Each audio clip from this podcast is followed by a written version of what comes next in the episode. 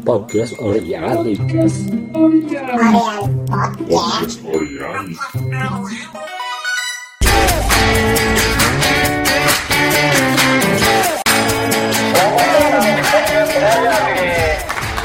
Wah, kali ini kita bakal dibersamai oleh Kak Fikram Duta Haikal dari Universitas Negeri Malang atau UM. Bagaimana nih Kak kabarnya nih? Alhamdulillah kabarnya sehat. Alhamdulillah luar biasa. Allahu Akbar ya teman-teman. Mantap. Oke. Sebelumnya ini manggilnya apa ya? Kak Fikram, Kak Duta atau Kak Haikal karena tiga suku kata ini bisa dijadikan nama panggilan nih. Ya bebas bisa Fikram, bisa Duta, bisa Haikal. Oke, enaknya Kak Duta aja ya. Oke. Iya, Duta. Kak Duta, nah Kak Duta ini dari jurusan Geografi Murni. Boleh dijelasin dong Kak, jurusan itu jurusan apa sih? Belajar apa aja sih? Ya untuk jurusan geografi murni sendiri ya kami mempelajari ilmu geografi secara mendalam ini mana nantinya eh, kami akan bekerja langsung turun ke lapangan. Seperti itu. Oke. Dan untuk eh, matkul pada semester kali ini kami memiliki 11 matkul di antaranya ada geolo- geologi umum, penginderaan jauh, eh, kartografi, hidrologi, praktikum hidrologi, wawasan sosial dan untuk matkul umumnya ada bahasa Inggris profesi. Dengar matkulnya aja udah ngeri ya teman-teman. Karena kalau bukan anak geografi nggak ngerti tuh apa aja tuh matkulnya. Oke, Kak Fikram. eh, saya dengar-dengar juga ada di jurusan lain, jurusan pendidikan geografi. Bedanya sama geografi murni itu apa aja sih Kak? Ya, untuk pendidikan untuk perbedaannya ya, untuk pendidikan geografi murni mungkin terletak pada mat- mata kuliahnya di mana pada pendidikan geografi geografi sendiri eh, ada mata kuliah ada mata kuliah ilmu pendidikan mungkin. Sedangkan pada geografi murni sendiri kami benar-benar mempelajari ilmu geografi secara mendalam. Selain itu perbedaannya juga terletak pada eh, prospek lulusannya di mana pendidikan geografi sendiri lulusannya dapat menjadi tenaga pendidik sedangkan untuk geografi murni sendiri eh, lulusannya dapat bekerja pada lembaga-lembaga keilmuan yang berkaitan dengan geografi semisal Badan Informasi Geos- Geospasial atau BIG dan mungkin LAPAN lembaga penerbangan dan antariksa nasional mungkin. Mantap, mantap. Oke. Kak Fikram sendiri kan kuliahnya online ya. Jadi belum pernah ke UM ya. ya belum Oke. Karena online juga ya kan. Masih di Malang sendiri masih zona merah atau gimana, Kak? ya masih zona merah dan masih PSBB Tapi sebelumnya pernah dengar dong uh, di PKKMB ataupun di ospek terkait fasilitas kampusnya, lingkungannya gimana? Boleh diceritain, Kak? Ya baik, untuk fasilitas eh, fasilitas di Malang Universitas Negeri Malang sendiri ya banyak sekali fasilitas-fasilitas yang dapat mendukung atau menunjang aktivitas mahasiswa. Di antaranya ada sarana olahraga, sarana kesenian, sarana tra- transportasi, ada gedung pertemuan Geraha Cakrawala, dan ada kegiatan warga, pengembangan kehidupan agama dan lain sebagainya. Selain itu eh, terdapat juga terdapat juga terdapat juga fasilitas sarana akademik di antaranya laboratorium dan perpustakaan yang sangat memadai Oke, oke. Nah, karena kuliahnya offline nih, Kak. Nah, menurut Kak Duta sendiri di jurusan geografi murni, efektif nggak sih kuliah online seperti sekarang ini? ya untuk kuliah online saat ini ya saya rasa memang sangat tidak efektif di mana seharusnya kami jurusan geografi murni seharusnya banyak melakukan aktivitas di laboratorium dan terjun ke lapangan sedangkan saat ini kami banyak menghabiskan waktu di secara online sehingga saya nyatakan sangat-sangat tidak efektif di kondisi pandemi seperti saat ini. Seharusnya banyak di lapangan gitu ya, Kak ya, banyak Ya, praktek benar. ya. Hmm. Oke.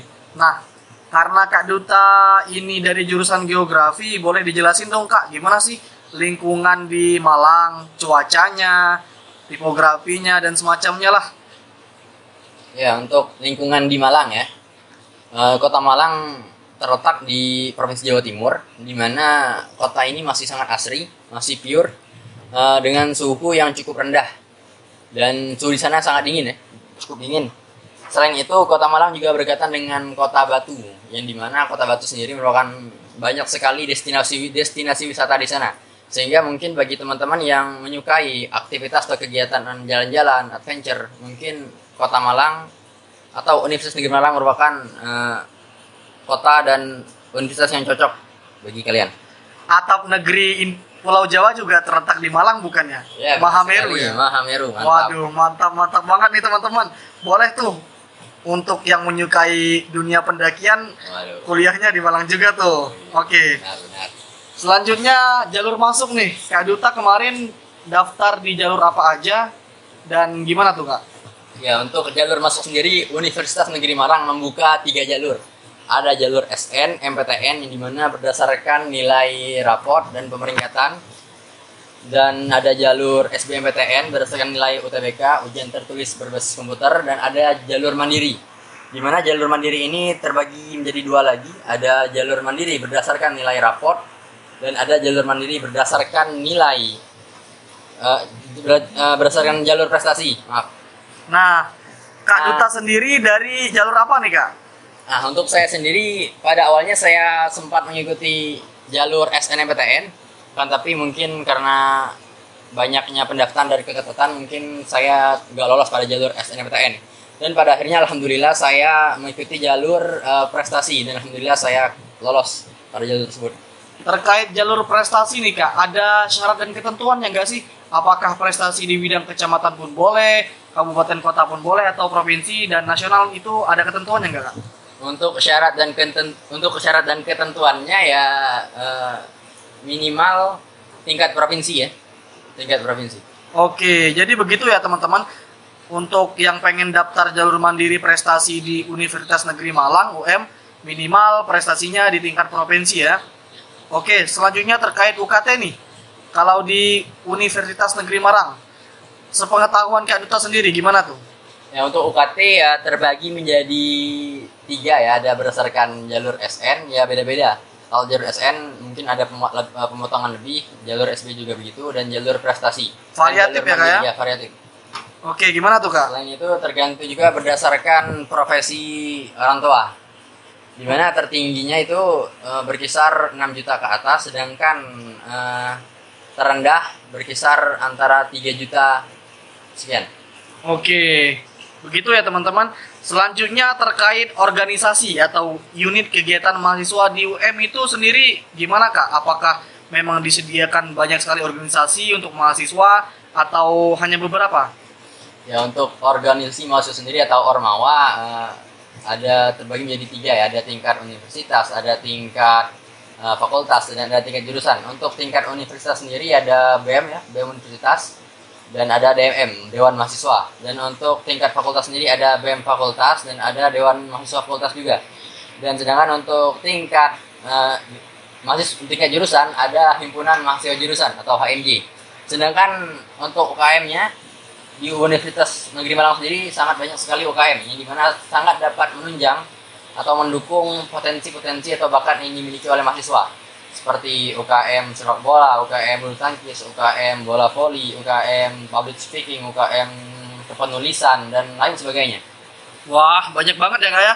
Jadi untuk teman-teman yang pengen masuk Universitas Negeri Malang jangan diragukan lagi ya bahwa UM ini menyediakan banyak sekali uh, untuk mengembangkan potensi bakat minat dari mahasiswanya terkait unit kegiatan mahasiswa yang telah disebutkan Kak Pikram tadi ya.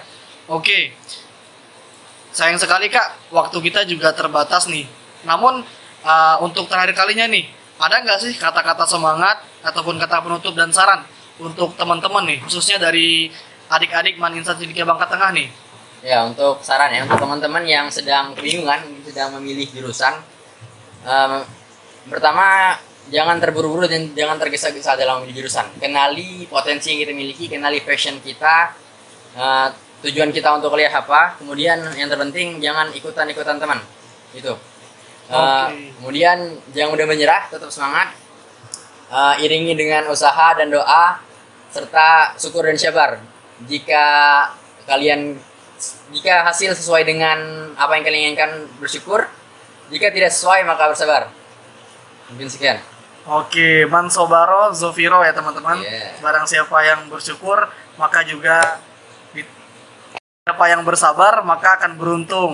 Kemudian lain syakartum, la nakum. Ketika kita bersyukur juga akan ditambah kenikmatan oleh Benar, benar. Tuhan Insyaallah. semesta alam ya, Allah Ya. Subhanahu wa taala. Oke, terima kasih nih Kak Fikran Mutahikel sudah meluangkan waktunya untuk mengisi podcast Oreali kali ini nih.